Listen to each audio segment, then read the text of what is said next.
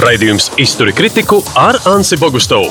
Spraiga viedokļu apmaiņa par aktuāliem notikumiem un sabiedrībā valdošiem mītiem un stereotipiem.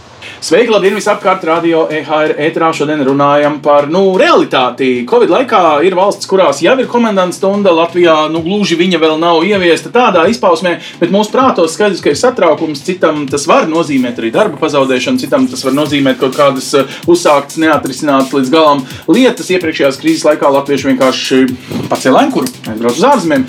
Nezinu, vai tas būtu gudrs veids, kā nu, būtībā izvairīties no savām uh, problēmām. Viņas jau tāpat atnāk kādreiz atpakaļ. Šodien parunāsim no garīgā viedokļa. Te es stādu priekšā Rīgas uh, biskupu, um, proti, Andriu Kravali, katoļu biskupu, jā, bet esat arī prāvests Marijas Magdalēnas baznīcā. No Andri vienkārši uh, ikdienā ar garīgiem jautājumiem sanāk uh, bieži runāt, un arī visdrīzāk cilvēks nāk pēc palīdzības, tad, kad ir kaut kas sakrājies. Un citreiz sakrājies, tad iet pie jurista. Ingvita ir um, jurists, zvērnāta advokātu birojā, strādā arī īpašā projektā. Ja? Tātad juridiskās palīdzības um, administrācija šajā rudenī izmēģina tādu veidu, ka varbūt citreiz cilvēki nelūdz palīdzību, tāpēc, ka nezinu noformulēt, nezinu ko, un šis nu, bezmaksas iespēja. Nu, no vienas puses izklausās labi, no otras puses nu, tāds eksperiments arī ar sabiedrību. Jo, ja jau vajag, tad jau varbūt ir gatavs pat maksāt par palīdzību. Varbūt ieskicē sākumā, Inga, kādās situācijās cilvēks saprot, ka pats vairs netiek galā ar likumiem, kas brūk, vai solījumiem, ko pa daudz ir sadevis. Šobrīd rudenī tā tad ir pieejama iespēja pieteikties uz šādu atbalstu. Nu, kas faktiski ir tikai saruna ar juristu, vai ne? Tur jau nav nekāda paraksta apakšā. Jā, jā šobrīd tādā projekta ietvaros mēs piedāvājam divus mēnešus vienu jurista konsultāciju līdz 45 minūtēm, kur cilvēks var atnākt un izstāstīt to lietu, kas viņam ir svarīga no juridiskā viedokļa un ko viņš gribētu kaut kādā veidā atrisināt. Šobrīd projekts notiek divas nedēļas. Esam konsultējuši Rīgā jau 128 Aha. cilvēkus līdz vakardienai, jā, tātad šodien ir vēl vairāk. Nu, tie jautājumi ir visdažādākie. Sākot ar ģimenes tiesībām, laulības šķiršanu, laulības noslēgšanu, mantojuma tiesībām. Un te man jāsaka, cilvēki ir arī atsevišķi ļoti atbildīgi, kur mēģina uz nākotni jau risināt jautājumu un saprast. Inga, bet sakiet, vai cilvēki ir pārsvarā atbildīgi vai pārsvarā tik bezatbildīgi vai varbūt apmulsuši no nu, kaut kādām lietām? Nu, ir ļoti daudz mainīgu lietu Covid laikā. Ja? Ir varbūt arī kaut kādas norunas, kas tiek, piemēram, nepildītas. Tad pie jums nāk vairāk vairāk, piedodiet, apsūdzētie vai apsūdzāmie? es teiktu, ka ir abās pusēs. Okay. Ir abās pusēs, ir arī tādi, kam ir tiešām parādi un kas mēģina saprast, kā, kā rīkoties. Tad, kad tiesa izpildītājs jau piedzena parādus, kad tiesa izpildītājs jau ietur kaut kādas summas mm. no tiem ienākumiem, kas ir, ja tas ir tas otrs gals, kad jau nu, no vienas puses drusciņi būtu pa vēlu, vajadzēja ātrāk risināt. Bet ir tādi, kas, kas konsultējas pirms. Labi, bet vispār sabiedrība māca prasīt palīdzību. Nu, es, piemēram, esmu žurnālists. Es godīgi pasaku, es juridiskajā zinātnē tur varbūt kādas trīs lekcijas kārtīgi noklausījos, ievadu tikai. Ja? Es varu satvērsmi no varbūt civil likuma atšķirt, bet es nu, nebūšu tik gudrs kā jūs. Vai mēs mākam kā sabiedrība paprasīt palīdzību? Man šķiet, ka līdz galam nē, jo mums kā sabiedrībai tā sajūta ir tāda, ka jurists ir kaut kas ļoti sarežģīts, ļoti dārgs, ļoti nepieejams. Un, nu, cilvēks mēģinās risināt jautājumu visiem iespējamiem līdzekļiem, citiem. Viņš konsultēsies ar kaimiņiem, ar radiniekiem, ar draugiem. Um, jāsaka, tā, pirms šī projekta es veicu arī pētījumu par juridisko palīdzību un arī runāju daudz ar cilvēkiem no sociālajiem dienestiem. Jā, tā skaitā teica, ka uz draudzies parunāties mm. par to, kā varētu šos jautājumus risināt. Ja viens otrs mācītājs varbūt ir sākotnēji ar juristu izglītību, var palīdzēt, to varbūt krāvai kaut kas labāk zinās. bet, uh, bet, jā, nu, kad tiek meklēti citi visādi iespējamie veidi, tā vietā, lai aizietu pie jurista, tiešām pakonsultētos pirms tā problēma ir iestājusies vai pirms tas dokuments ir parakstīts, jo tas ir ļoti svarīgi. Jo viens no tādiem juristu jociņiem viņiem ir, ja parakstījies, tad nebrīnīs. Mm. Ja? Un, ja tu jau esi parakstījies, tad, tad, tad, tad ir grūtāk to jautājumu atrisināt nekā pirms. Mm -hmm, tad septiņreiz nomērīt, un tad, nu, kā teikt, vai nu hop, vai lekt, vai ko. Andri, lūgt palīdzību. Šis mirklis, kurā nu, cilvēks ļoti bieži lūdz palīdzību tad, kad jau ir līdz lūpai, un tad gan viņš atvērs baznīcas durvis, sāks ticēt sirsnīgi tam dievam un, un, un visu kaut ko. Bet ikdienā taču, nu, priekš kam virināt baznīcas durvis un tērēt sev laiku? Jūs nesaskaraties tādu nu, tā krīzes menedžmentu, ka krīzes laikā baznīcas durvis biežāk virinās. Nu, īstenībā viņas nemitīgi virinās, un paldies Dievam, ka viņas var atvērt un jā, ka viņas dienas garumā paldies, ir vaļā. Es teiktu, ka arī mēs, e, uzklausot Ingu, arī bieži sūtām pie juristiem. Un arī no draudzes ir juristi, kas ir gatavi tiešām bez maksas arī pakonsultēt Un mēs esam ieinteresēti tādos cilvēkos, lai aizstāvētu cilvēkus. Ja te jautātu, kādi cilvēki nāk, es teiktu, nu, ievainoti nāk, salauzti nāk, nāk arī tādi, kas zaudējuši cerību. Bet, protams, mūsu palīdzība nebūtu tik kompetenta šajā jomā, bet mēs nu, cenšamies palīdzēt, nu, lai cilvēks nestrādā muļķības. Nu, ne tikai pacelt tenkuru, bet pieņem kaut kādus tik pārsteidzīgus lēmumus, ko pēc tam visi nožēlo. Un tad, nu, piemēram, kā garīdznieki, mēs pavadām diezgan daudz laika uzklausot nu, grēku sūdzes. Katru rītu un vakaru ir dievkalpojumi, ja, tad darba dienās, darba pa svētdienām. Bet arī nu, tas mūsu pienākums ir, jūs labi pateicāt, ka nu, iešu pajautāšu draudzēji. Tad, mēs mēģinām tos cilvēkus kaut kādā veidā pulcināt, stiprināt, darīt solidārus, atbildīgus par to un vienkārši, nu, lai viņi nepaliek vieni lai viņi nepaliek vieni paši. Ir vesela tāda pat, uh, kustība, nepaliec viens. Mm -hmm. Jo nu, patiesībā, tad, kad cilvēks jūtas viens, pamests, varbūt ar parādiem, ar citām grūtībām, nu, tad, manuprāt, baznīca jau praktiski ir tā pēdējā gandrīz institūcija, kur viņš atnāk. Un, uh, Un, tāpēc nu, patiešām mums saskarsme ir ar šiem cilvēkiem. Nu, redzot, ka visiem durvis nav viegli atvērt, mēs pat esam izveidojuši tādu telefonu līniju, mm. kas strādā dienas jā. garumā. Jūs varat droši nosaukt, jā, jā, jā, jā, piemēram, piemēram jā. lai pateiktu, nu, arī tas ir tikai viena iniciatīva, bet, piemēram, ir dienas centri, kur cilvēki var atnākt. Ir cilvēki, piemēram, kas ir gatavi uzklausīt, kas gatavi konsultēt. Ir, piemēram, cilvēki, kas specializējušies laulības problēmās problemātikā, krīzēs. Tad, zināmā mērā, nu, šeit pastāv ļoti lielu uh, spektru, uh, ko draudzes var palīdzēt. Un es zinu, Jā, ka... uzmanīgi, tagad tātad jurista palīdzība būtu nu, tomēr uh, faktiski regulēta profesija, kurā drīkst strādāt cilvēki, kuriem ir diploms, tātad viņi apliecinājuši savas zināšanas. Šeit pa šiem labas gribas, dežurants no brīva prāta, tātad bez maksas. Uh, nu, es atvainojos, jurists varbūt tā ļoti sakrustotām rokām teikt, paklau, vai viņš nesastāstīs kaut kādas latviešu sakot, muļķības. Tātad likumus gluži šeit protams, neskaidros. Protams. Šeit būs tādas dvēseles problēmas risinājumi. Ja? Tieši, un es domāju, ka mūsu pirmais uzdevums ir uzreiz. Un es noteikti paņemšu Ingas bites telefonu Jā. un varbūt piespraudīšu arī šo projektu, darīšu zināmu draudzē un ieliksim to varbūt arī mūsu mājaslapā, lai cilvēki vienkārši redz, ir informēti, jo vienmēr jo kompetentāka ir palīdzība, jo cilvēki ir zinošāki, kas var palīdzēt tieši tādā situācijā, tas ir labāk. Tad jūs kaut kādā mērā šādi struktūrēti domājot, nodrošināties arī nu, vienu brīdi likās, ka cilvēki ļoti daudz tic, ka ir kāds uzlicis ļaunu aci un noteikti kāds ir zvaigznējs kaut ko pareizi sarēķinājis. Nu, tā tad uz šīm mm. pseido zinātnēm, kuras dažreiz nu, ir tāds ātrāks, vieglāks un pat ar mm. samaksu. Nu, liekas, ka, ja es samaksāju tam zīlniekam, tad jau viņš man tur labi izzīmēs. Nu, tad, vai šādos um, juku laikos, kas laikam ir arī Covid laiks, Šis arī plaukst. No tā arī vajag iemācīties jā. kaut kā uzmanīties. Nu, varbūt baznīcā tas īpaši ne. Mēs drīzāk pret to cīnāmies. Nu, jā. bet, ja, ja jūs man jautājat, nu, kāda cilvēka atnāk, nu, atnāk tiešām, kam ir saikne ar baznīcu, kas ir ticīgi, vai kuru varbūt vecāki ir gājuši, viņi atnāk. Bet man, man liekas, grūtāk ir cilvēkiem, kuriem nav tās ticības, jo viņiem jāpārvar divkārša barjera. Tad, tad tur ir baznīca, tur tad, tad ir tādi domājoši, un kur tad es vēl lūkšu palīdzību. Ja? Un tāpēc es domāju, ka ļoti svarīgi ir tāda nu, uzņemšana, ka cilvēks zina, ka baznīca ir vaļā, ka tur kāds sasveicināsies ar viņu un piedāvās palīdzību un pajautās, vai kaut ko nevajag.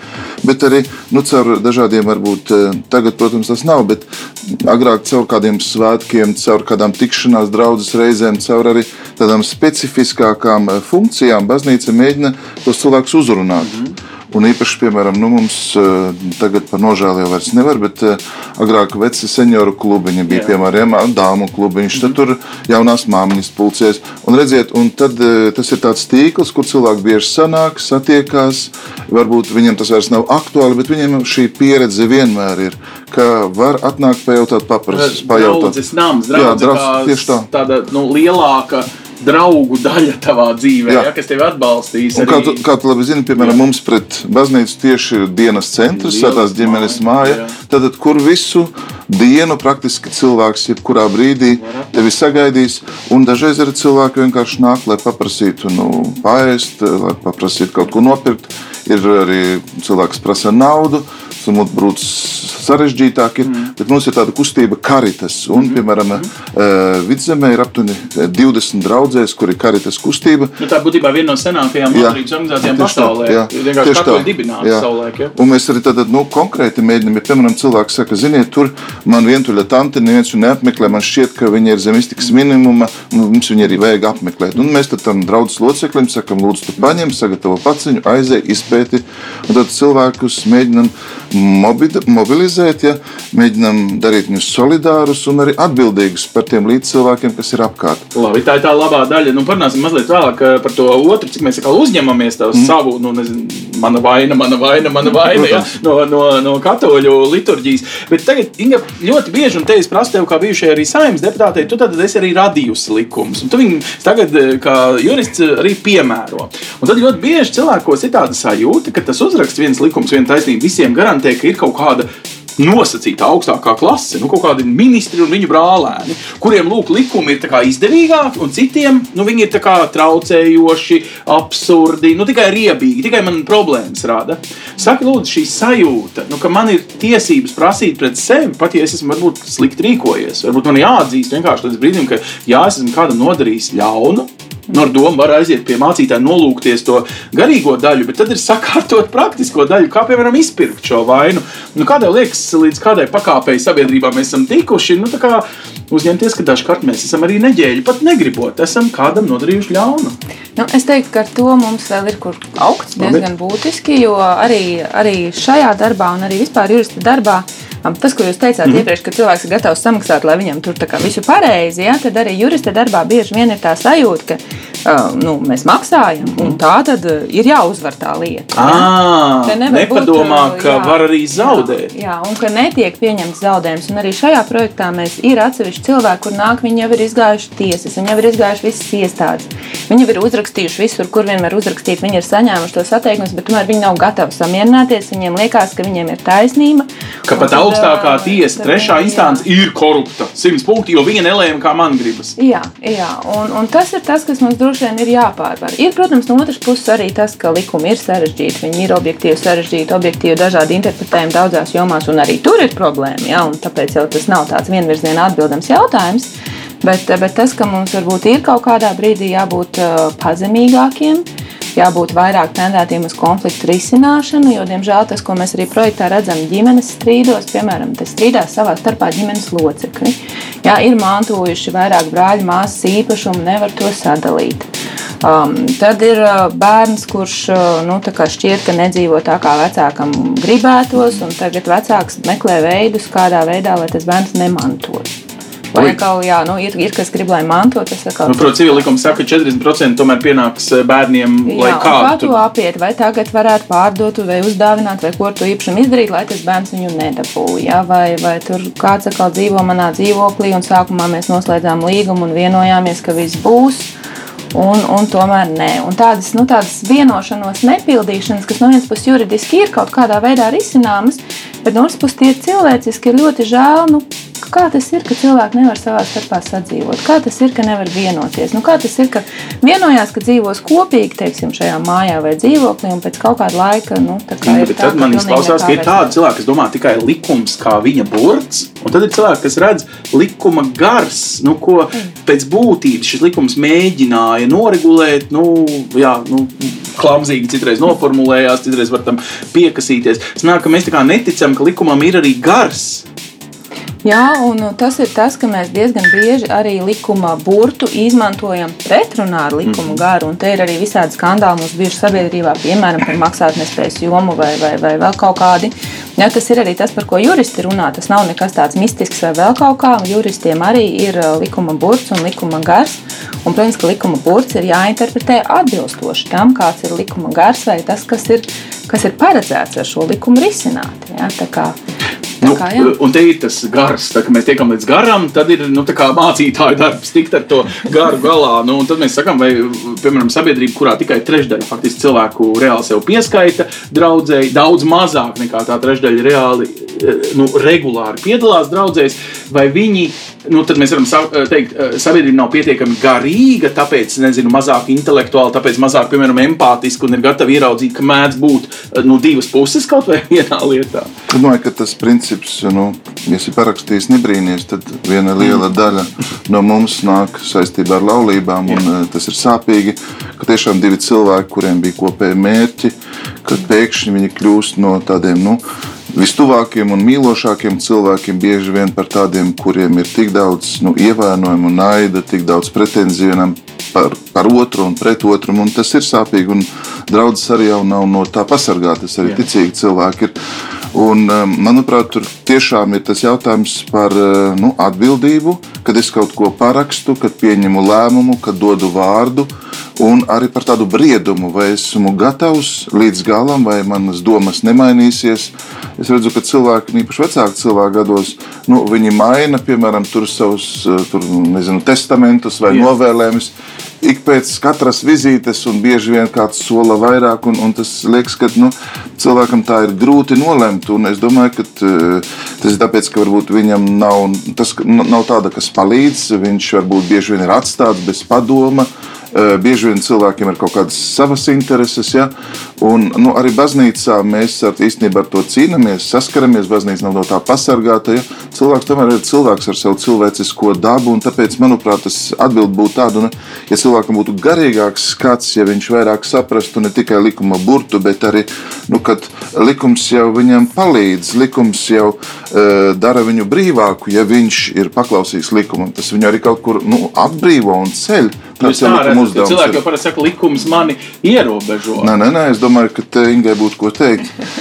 Nē, nu, Ingai, nu kā sanāk tiešām no, no tā viedokļa, nu, likums jau izdomā cilvēku, lai vērstos pret citiem uh, cilvēkiem, lai viņus tā kā nu, ierobežotu. Reku, nē, nē, nē, es domāju, saka, ka lai pasargātu, aizstāvētu. Labi, nu, bet kā man tad uztvērt? Nu, jo vienkārši, nu, ja es, nu, nu, piemēram, nu, ir ļoti daudz cilvēku, kas uzskata, ka jā, ir slikti pārsniegt ātrumu, bet ja man gadīsies, es mēģināšu piecīti piedāvāt policistam. Nu, Klau, nu, tu kļūdījies, nu, samaksā to sodu un nākošais vairs tā nedara. Nu, tā būtu tāda morālā līmenis, bet tad mēs ir likums, un mēs automātiski domājam, jau kā mēs viņu apiesim, nevis kā mēs viņu izpildīsim. Ļoti bieži tādas situācijas, tādā sadzīvē, protams, nu, krimināla lietās varbūt mazāk. Ja. Nu, es teiktu, ka tas ir tas, pie kā mums katram pašam ir jāstrādā. Jo atkal jau nu, jā, ir cilvēku kategorija, kur pārkāp šo ātrumu, un tad nāk un meklē iespējas, kā varētu apstrīdēt, mm -hmm. pārsūdzēt šo lēmumu. Tiešām, bet pie jums nāk pēc padomu. Um, kaut kādā veidā, jā, wow. tieši tā panākt savu, savu taisnību, to, ka viņam tas sots nav jāmaksā. Tad pierādīt, ka man ir taisnība, nevis likumam. Jā, jo, protams, ir nu, atkal jau ir kaut kādas procesuālās lietas, mm -hmm. kas, mhm. teiksim, policijai droši vien bija jāievēro. Iespējams, kaut kur var mhm. piekasīties, varbūt tas radars nav tur pareizi mhm. verificēts vai vēl kaut kā. Nu, ir, ir, ir visādas lietas, ko var mēģināt. Jā, tāda nevis atzīt un pateikt, jā, es kļūdījos. Bet, bet iet un strīdēties. Un es domāju, ka ar laicīgiem likumiem šeit ir līdzīgi kā ar garīgiem likumiem, ka no vienas puses, jā, viņi mūs ierobežo, Bet no otras puses, viņi dod mums rīcības brīvību šajās robežās, būt brīviem un darboties un rēķināties, kā arī tu mm -hmm. rīkosies šajās robežās. Ja? Un tas ir tas, kas man dod drošības sajūtu. Ja, ka, ja mēs nebraucam pie sarkanā, tad es varu braukt droši pie zaļā un zināt, ka man no sāniem pa sarkano kāds nenesīsies virsū un nenositīs man un mans bērns. Ja? Tā kā jā, no vienas puses likuma ierobežots, bet no otras puses katram no šiem likumiem ir mērķis, kas paredz sabiedrības kārtību veidot nu, tādu, lai mēs visi šajā sabiedrībā varētu kopā sadzīvot un justies droši. Un tad man vienmēr ir mulsinājis, Andri, vienkārši no katoļu liturģijas viedokļa atnākt nolūkties pie bikts krēsla, nosīt savu kā, nu, neizdarību, grēku, nu, visu.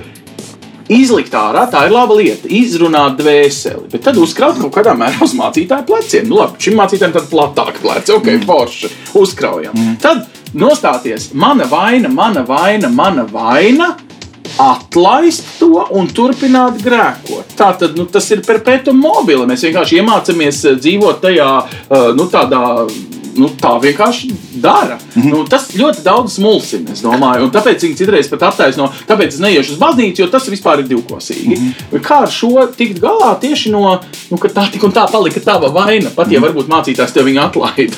Varbūt sāksim tā, ka, nu, vai tu tici vai netici, Jā. mums ir universāli dota sirdsapziņa, mm -hmm. kurai mums vienmēr ir jāpaklausa.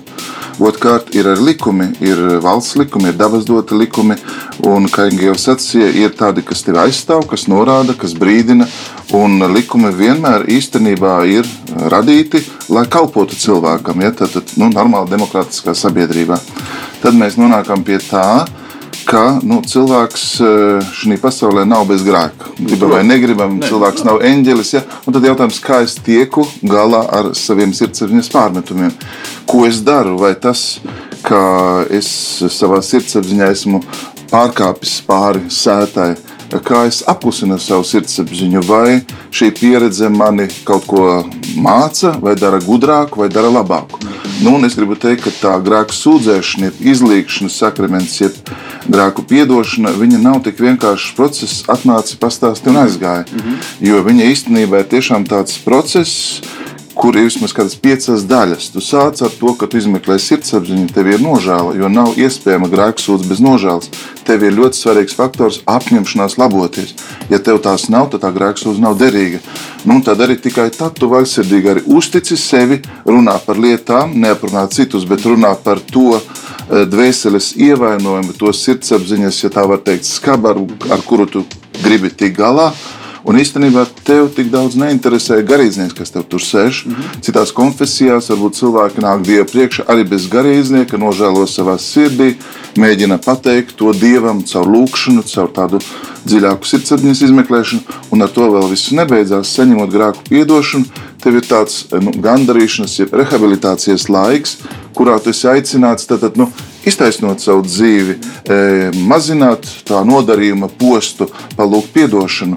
Redziet, nu, tas ir tiešām diezgan komplicēts iziešanas process no grēka verdzības, jo runa nav um, sūdzot grēkus par grāmatvedību, tu nenodod atskaiti, bet tu īstenībā saproti, ka tu gribi tikt ārā no tā purva, bet tev jābūt gudram, jāzina virziens un jāzina veidi, kā tu, tu no jauna nenokļūsi. Tā, mācītājs palīdzēs, ievirzīs, uzraudzīs, varbūt kādā mirklī paskubinās. Tā, paldies par to, bet man liekas, ļoti daudziem cilvēkiem uzņemties, ka tas ir par mani.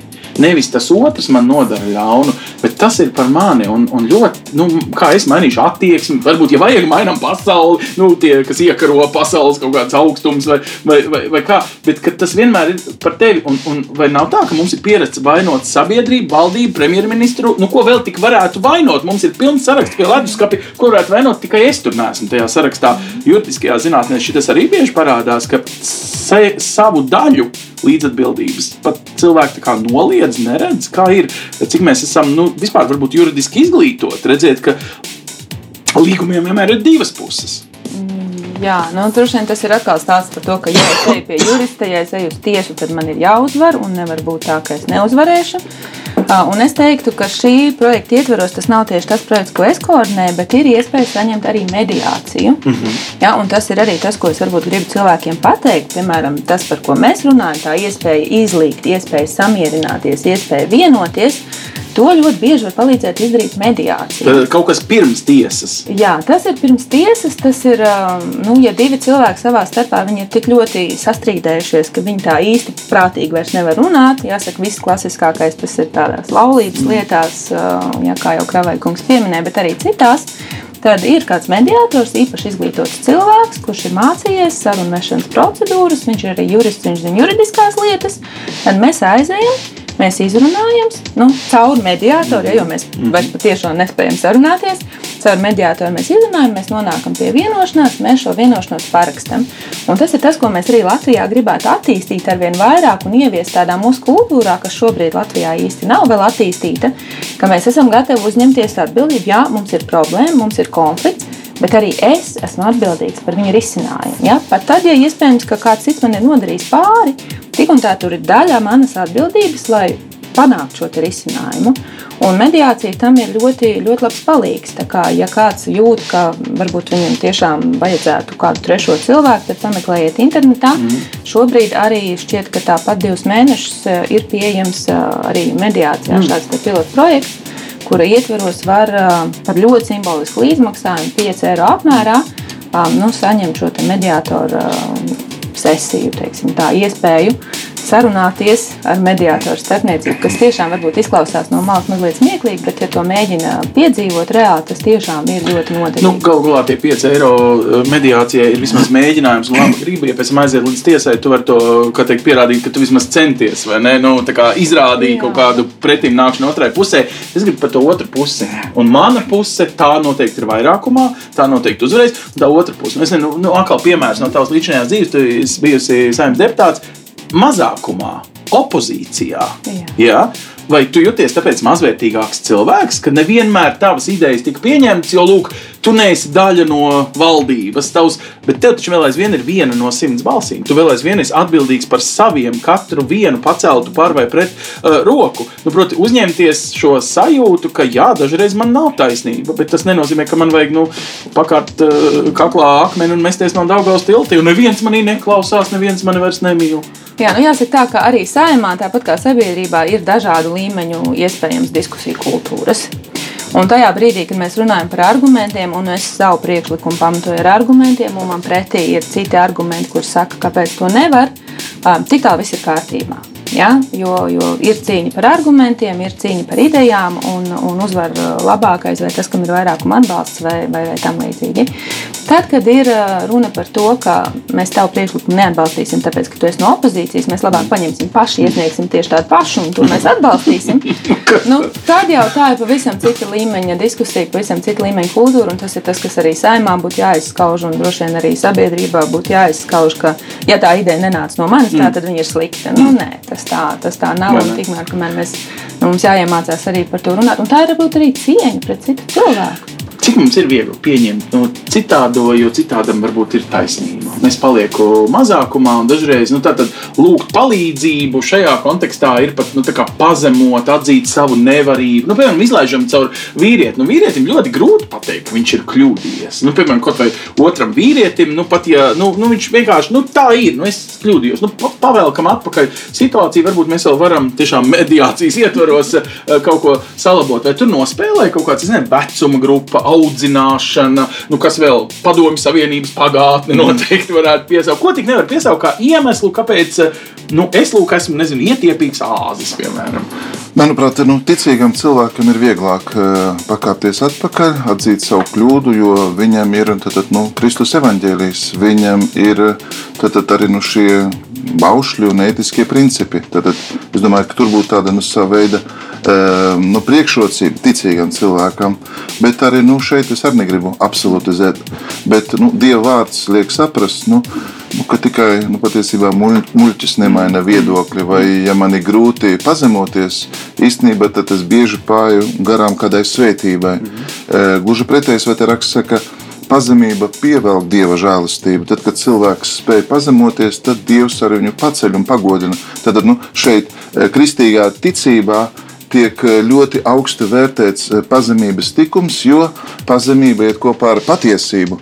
Es nepazemojos tāpēc, ka es gribu vienkārši tur tā tagad salūzt vai locīties visos priekšā. Nē, bet es vienkārši gribu būt patiess, jo mērķis ir nu, kāds sacīja, neuzvarēt tikai šo cīņu, bet saglabāt arī savu cieņu un padomāt, ka tas arī otrs cilvēks ir tas pats, varbūt, ar kuru es būšu debesu valstībā. Un tas ļoti mulsina jau pēdējos desmit gados, kurš garīdznieks nonāk rādio, vienmēr saka, lepnība ir viens no lielākajiem grēkiem. Bet lepnība nav grēku sarakstā, piedod, nu, tajos desmit baušļos mm. aprakstīt, ka tev nebūs mm. lepnam būt. Nu, tad lepnība šai kontekstā juridiski būtu būt tik pārlepnam pret to otru pusi, ka nesēdēt ar viņu pie galda. Mēs tiksimies tikai tiesā, jo jūs esat vainīgs, piemēram, neiet pie mediātora. Nu, piemēram, tā būtu izteikti lepnība, vai ne?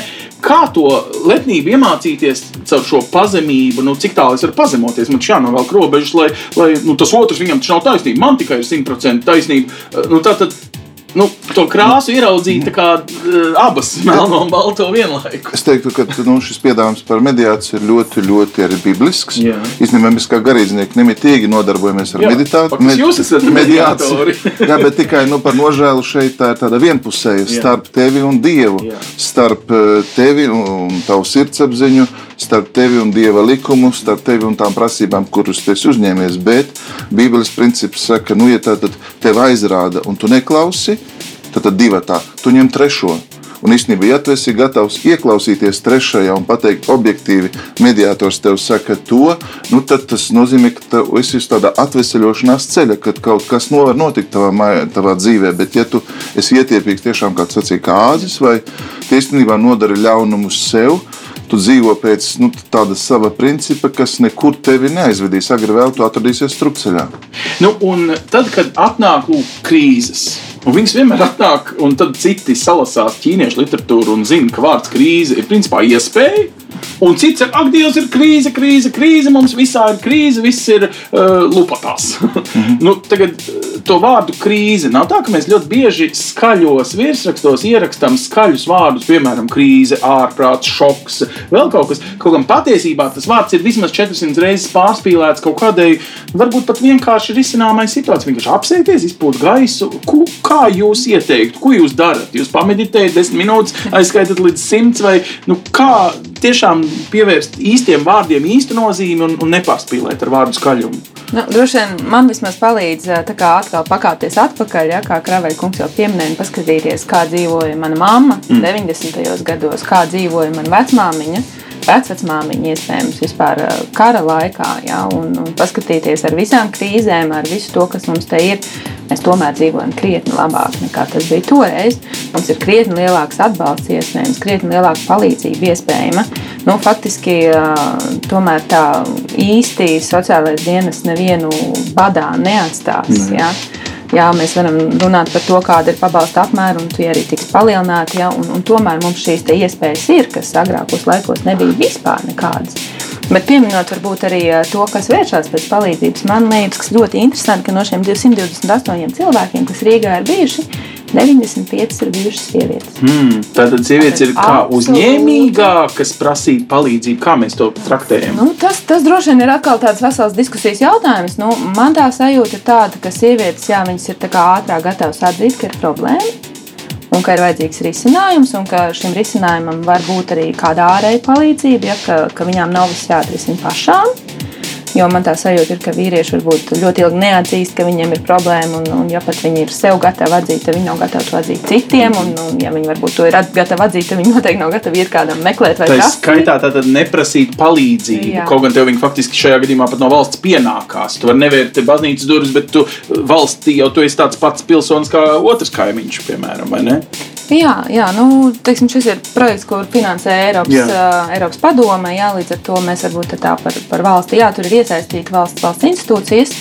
Ja, tomēr mēs varam apkalpot tik daudz cilvēku, cik mēs varam. Līdz ar to, ja visi Latvijas iedzīvotāji rītdien stāvēs pie durvīm un teiks, ka pienākās, mēs ar to netiksim galā. Nē, nē, es saprotu, jūs baidāties, ka, ka visi pienākās. Nu, tātad šī jau ir tikai konsultācija. Te jūs nevarat jā. Eh, būt advokāti kādam uz 45 minūtēm vai, vai sasniegt pat izlīgumu tiesā vai, vai kā savādāk. Tā būtu tikai saruna, lai saliktu svarīgākos akcentus. Bet tā tad sieviete biežāk atver durvis, biežāk varbūt mēs varētu teikt, ir pazemīga nu, atzīt savu vainu vai aprakstīt situāciju vai vispār prasīt pēc palīdzības, bet nu, tas ir kas audzināšanas jautājums vai vīrišķības trūkums sabiedrībā. Tad es varētu tā absolutizēt. Jā, nu, varbūt Kravai kungam tur droši vien arī savs viedoklis, bet, eh, bet man arī tā sajūta tā no tādiem dzīvē gūtiem novērojumiem ir, ka vīrieši savādāk risina savas problēmas. Tā var būt agresija Um, tās var būt dūres, tas var būt alkohols, diemžēl. Jā, tas var būt uh, noliegums, uh, nu, tā kā līdz pēdējiem nekā, nekā te nav. Jā, visas, uh, nevienu vēstuli nesaņem, ne no bankas, ne no tiesas izpildītāja, neko nezinu, neko neesmu saņēmis. Jā. Nu, kaut gan patiesībā jau ir nu, tikai, tikai gribēts iebāzt galvu smiltīs un to visu ignorēt. Tā kā, man liekas, ka tā, tā ir vairāk tāda tendence. Kāpēc? Nu, droši vien, ka tā ir jā, arī tāda kaut kāda zināma audzināšanas. Uh, audzināšanas jautājums. Mums gan audzināšana šobrīd ir stipri mainījusies mm. nekā tā bija pirms 30 gadiem. Tā kā varbūt jaunie vīrieši, kas klausās šo rādio, mm. varbūt uh, kādreiz, uh, kādreiz varētu pievērsties. Jo man jāsaka, tā arī skatoties sadalījumu pa vecuma grupām, mm -hmm. nu, vislielākā vecuma grupa ir virs 66 gadiem. Tātad Aha. pensijas vecuma cilvēki ir tie, kas visvairāk šobrīd meklē šo palīdzību. Nu, iespējams, jaunākiem cilvēkiem nav tik daudz laika, vai viņiem nav tik daudz informācijas. Ja bet, tik daudz manta, varbūt uzkrāt, un tad nav arī ko, piemēram, dalīt mantojumā. arī varbūt, jā, bet, bet teiksim, līdz 30 125. Tajā kategorijā ir ļoti, ļoti maz cilvēku. No šiem 128 šobrīd tikai 14 ir līdz 35. Saucamie ekonomiski aktīvie. Jā. Uh, labi, nu, Andri, parādās tas, tas mirklis, kurā mēs, nu, es nezinu, vai vispār ir pareizi tā dalīt vīriešos, sievietēs kaut kādās uh, psiholoģisko karti tagad zīmēt, ka pensionāri šitā un, un, un padomu laikā dzimušie uh, šitā. Nu, kad mēs sākam dalīt, ko mēs uh, iegūstam. Jo tad, kad mēs sākam dalīt, mēs automātiski aizjām līdz kategorijai balts un melns, taisnība vai, vai, vai ļaunprātība vai nu, tādām lietām. Nu, proti, attīstot šo empātiju, ko mēs iegūsim? Ja mēs nu, nezinu, mēģināsim pie mediātora ar empātiju, mēģināsim sākumā izrunāt, lai kā es varbūt sākumā ienīstu to, kas man to ļaunumu ir nodarījis. Es tomēr pielietoju kaut kādu nu, iedomāšanos, ka viņam bija labi nodomi, tikai slikti sanāca. Piemēram. Vai šis mums palīdzēs, vai tas ir lieka laika tērēšana un, un, un, un labāk uzreiz taisno ejam uz tiesu un tad jau manuprāt, nu, ir jāmācās no labiem piemēriem. Un es domāju, ka tās sievietes, kas vairāk ir atnākušas, nav tikai tāpēc, ka viņas to vainu atzīst vairāk, bet es domāju, ka viņam ir gudrība. Tā ir pieredze, Nu, sievietes ar evaņģēliju ir daudz garīgākas, viņas ir pēc savas sūtības un dabas nu, tādā veidā radītas. Un es pilnīgi piekrītu, ka cilvēki, bieži vien tieši vīrieši, nu, ļaujas salauzt, vai viņi iet kādā nebrīvē, atkarībās, jo piemini alkoholu un tā tālāk. Tas ir tā kā pret viņu pašlepnumu, pret viņu cieņu, bet vēl arī es pateiktu, ļoti vienkārši slinkums. Nu, taču ir iespējams aizbraukt uz laukiem un strādāt, un nu, tik daudz vietās meklēt cilvēkus, kas gribētu, lai tu godprātīgi dari darbu. Es pats to redzu draudzē, cilvēks prasa naudu, es saku, bet nu, izslauki pagalmu, nu, salas tos papīrus, izdari kaut ko. Nē, viņš apvainojas. Es saku, bet paklausies, nu, kas nestrādā, tam nebūs ēst. Tas ir evaņģēlijā princips. Tad, vai tu tiešām gribi arī mainīties un saprast, ka darbs nu, tevi eh, audzina, tev dara labu, ka darbs īstenībā tevi pārveido, un tad tu esi savas algas cienīgs, ja tu strādā. Tad, manuprāt, nu, mēs neesam tādā situācijā, ka tiešām būtu tik liela krīze krīze un, un būtu saka, darba spēka pārpilnība. Bet īstenībā tik daudz pietrūkst. Ir tik daudz vientuļu cilvēku, ja, kurus vajadzētu apmeklēt.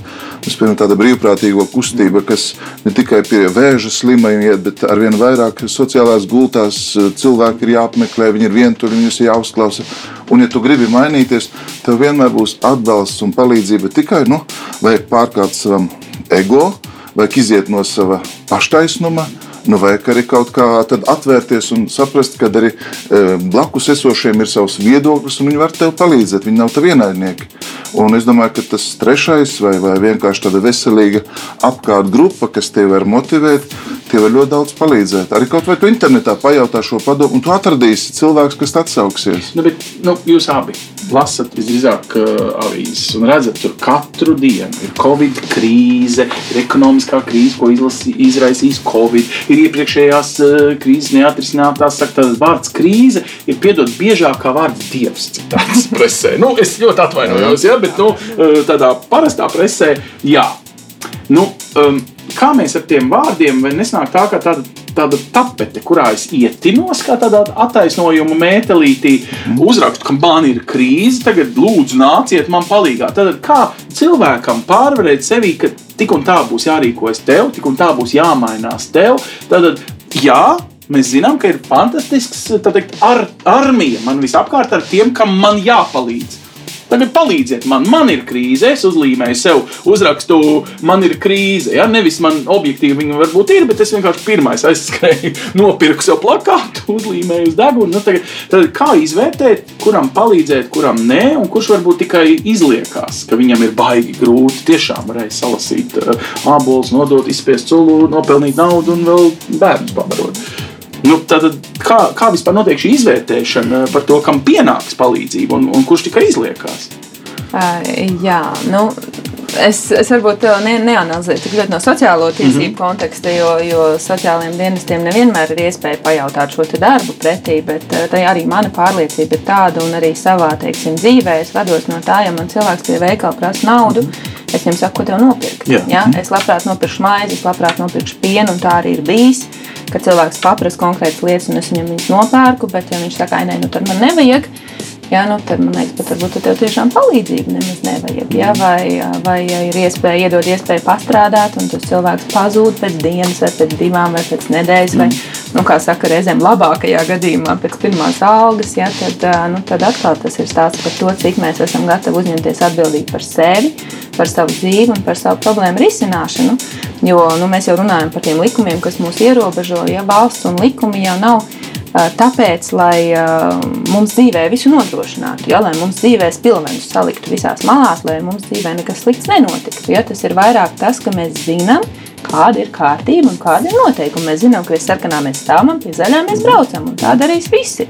Ja, un tas nenozīmē, ka valsts manā vietā uzdāvinās man mašīnu, ar kuru braukt uzdāvinās man šoferi ja, un, un nodrošinās vispārējo, kas man ir vajadzīgs. Tas nevienmēr ir tas, kurš viskaļāk prasa palīdzību. Jo mēs visu laiku runājam par palīdzību, kas tiek organizēta, māku paprasīt, nolaišanos no saviem untuma augstumiem.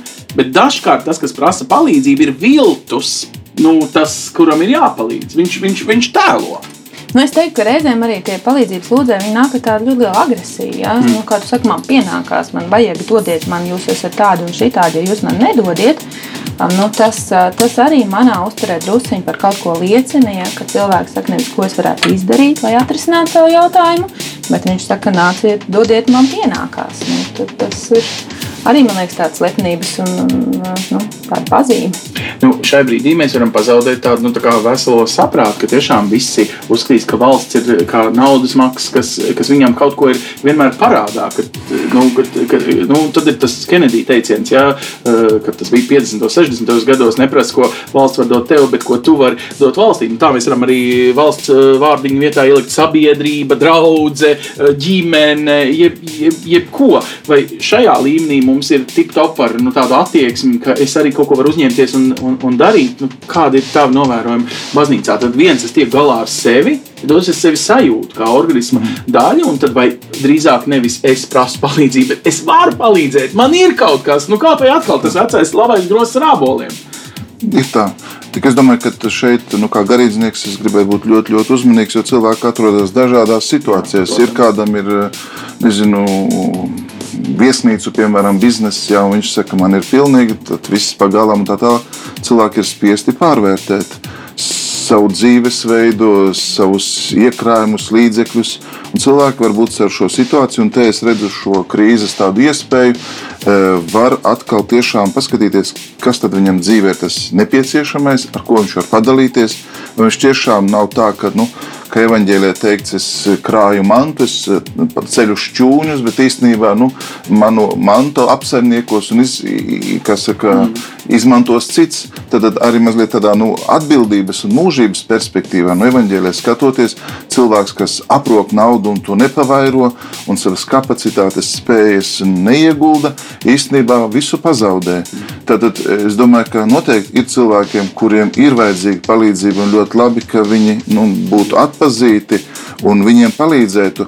Bet arī es domāju, ka eh, šāda situācija var mūs darīt labāku kā sabiedrību, ja mēs eh, paši iekšēji mainamies, ja mēs redzam vājāko, nabagu, ja mēs redzam vecos ļaudis, ja mēs padomājam par savām prioritātēm, un, eh, un, un ja mēs redzam arī slimo, un mēs paši saprotam, ka mūsu dzīve ir ļoti trausla, un ka Covid jau nešķiro cilvēkus, un ka ir kādas citas vērtības. Un tieši tāpēc es domāju, tā krīze kā jauna iespēja nav tikai runa par kaut kādu mantas pārdalīšanu, varas vai tur, nezinu, kaut kādu citu, kas gan dažreiz bieži iet kopā, bet es domāju, ka šeit ir tāda nu, mentalitātes maiņa, kas man ir nepieciešams. Kad brauc mājās, tev ir ģimene, tu esi pāēdis, ko vēl tu vari izdarīt saviem kaimiņiem. Vai tu, piemēram, esi dzīvojis ar saviem kaimiņiem, tu viņus pazīsti, vai, tev, vai tu esi kādreiz apjautājis, kas tev ir vajadzīgs, vai tu esi palīdzējis varbūt tā kā vecākai kundzei, kas augšējā stāvā dzīvo, iepirkties vai apjautāties. Es domāju, ka ar tādu nu, atvērtību, atbildību, solidaritāti, līdzcietību. Tad sanāk tā, mums televizors saka sociāli distancēties, un mēs kaut kur to uztveram automātiski uz abām. Uz fizisko sociālo distancēšanos un arī uz tādu nu, garīgo. garīgo šo, jā, ja? jā, jā. Nu, tad, tur tur to, tā tomēr var būt domāšanas kļūda. To, to, fi, fizisko attālinām, bet to garīgo gan varētu tagad, kad ir laiks, kad varbūt sēž karantīnā vai kur. Nu, tā kā es nezinu, sakārtot juridiski nesakārtotos papīrus, nu, kaut vai savus personīgos. Ja? Aiziet lūk pie slavenās kaimiņienes ar veco labo ābolu grozu, kurš vēl aizvien ir pilns un manējais, un varu padalīties. Nu, kas būtu vēl tie varbūt ieteikumi, ko? Es nezinu, var sakārtot krīzes laikā. Krīze kā iespēja ir arī labs atspērienu punkts. Varbūt. Nu, juristiem ir kaut kādi labi padomi, kas mums sabiedrībā šobrīd ir tāda nesakārtotākā uh, daļa mūsu nu, sadzīves kaut kādos uh, loģikās. Es nezinu, nu, visi visu ir baigi sakārtot. Padomu laikos varbūt kaut kas nesaprasts, nesakārtots. Nu, parasti tā ir, vai ne? Ka krīzes laikā pavasarī visi it kā esot lieliski izmēzuši skapjus. Tā vismaz atkrituma apsaimniekotāji stāstīja. Nu, tagad varētu varbūt uh, kaut ko tādu nopietnāku izmēst savās līdzinējās praksēs. Nu, varbūt tagad ir jāsāk pārdomāt, uh, pārdomāt kā Kravai kungs teica, nu, kas ir tas, kas manā dzīvē ir svarīgs, kas ir tas, pēc kā es dzenos, pēc kā es skrienu, kāpēc es tur skrienu un kas notiek tad, kad man tiek norauts stoprāns. Mm -hmm. Ja? Um, ballītēm, um, dažādiem pasākumiem, tusiņiem, vēl vis kaut kam, kas, kas paliek pāri. Ja? Tajā brīdī, kad visai tam, visam tam dzīves skrējienam tiek, tiek piespiesta stoppoga, nu, kas, kas ir tas, ar ko es palieku. Un palieku es droši vien ar sevi, ar savu ģimeni, ar saviem tuvajiem, ar saviem mīļajiem, un vai es viņus vispār pazīstu. Un, nu, tā, tā smaidām, protams, bet, nu, ja nākamā krīze būs tāda, kurā pazudīs internets, ko tad mēs darīsim? Jā, labs jā, jautājums. Jā. Jā. Tad, nu, tad paskatīties varbūt uz tiem cilvēkiem, ar ko mēs dzīvojam kopā un, un, un ar ko mēs dzīvojam kaimiņos. Un tas jau nenozīmē obligāti iet varbūt šobrīd ciemos pie tās kaimiņienes, bet uznest viņai kaut ko nolikt pie durvīm, nu, to ir iespējams arī sociāli nekontaktējoties, izdarīt piezvanīt galu galā, apjautāties, kā tev iet, kā tu jūties, izrunāties. Tātad, ja mēs sākam redzējumu ar uzdrīkstēties, palīdzēt, noskaņot sevi, nu, kā, izvērtēt, tad šoreiz ir gandrīz tā kā ejam tālāk, piedāvājam palīdzību. Ja? Empātiski, nu, jūs jau arī savā ziņā rakstījāt projektu un, un, un nu, piedāvājat palīdzību kaut kādai kategorijai cilvēku, kuri bija nonākuši tādā tā kā slazdā, jo paši galā netiek, varbūt pietiekami daudz līdzekļu nav, lai noalgotu glaunu uh, advokātu. Nu, te jūs kaut ko no tā projekta arī redzat, ka kārtojās arī tādas. Nu, ļoti praktiskas, juridiskas, kantainas, ja tā var teikt, jā, lietas šaubām, sabiedrībā. Nu, bez šaubām, jā. Nu, es, piemēram, sazvanu kā projekta koordinators šobrīd, kas atbild uz šo projektu telefonu numuru, es saņemu vairāk kā 30 zvanus katru dienu, uh -huh. un, un cilvēki stāsta savas situācijas, un, un ir pat tādas situācijas, kurās es arī varu pa telefonu palīdzēt, vienkārši norādīt to virzienu, kurā ir jāiet.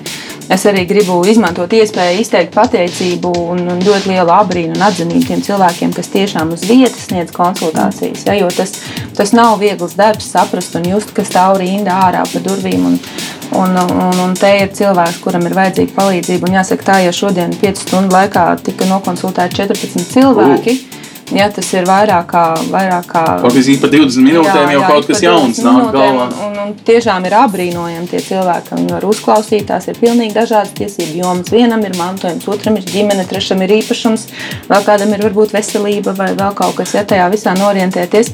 Tā kā, nu, jā, tas, tas ir tas, ko mēs šajā brīdī piedāvājam, un varbūt no tāda viedokļa tas ir Tas ir labi, ka tas notiek šajā brīdī, ja, jo, jo arī, arī Covid, arī visa ekonomikas apstāšanās un darba zaudējums un tādas lietas varbūt ir izgaismojis kaut kādas problēmas, kas ir šobrīd jārisina.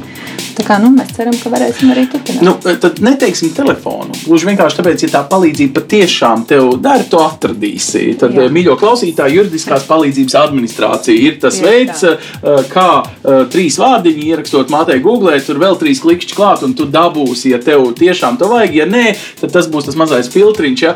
Nu, es gan teiktu, ka mācītājiem gan jānosauc šis palīdzības uh, telefons. Tātad, uh, tas ir tiešām tāda sadraudze, proti, cilvēki labprāt maina apmainās ar pieredzi, uzklausa viens otru, tāda emocionāli sirsnīga saruna varbūt tiem, kuriem nu, kaut vai jā, trūks ģimenē emocionāla atbalsta, var zvanīt. Tātad, kāds ir telefons mācītājai? Es nolasīšu arī, nu, ko mēs Protams. pretendējam, un šo afišu arī mēs tāpat izdalām citās draudzēs. Viņš ir kaut kur redzams uz kāda afišu stāpa. Mm -hmm. Uzklausīšanas un garīga atbalsta telefons. Un šajā līnijā jūs piezvaniet, būs dievam veltīti ļaudis, tad klosteru ļaudis, konsekrēti ļaudis, kas ir veltījušies, tātad, lai mīlētu Dievu un kalpotu baznīcai un tuvākiem. Tad, tad tie nebūs vienkārši brīvprātīgie, tie būs no baznīcas, ja tā var teikt, nu, nozīmēti kompetenti cilvēki, kas jūs nu, ir gatavi uzklausīt, arī garīgi palīdzēt, dot padomu, un es domāju, varbūt arī aizsūtīt pie Ingas.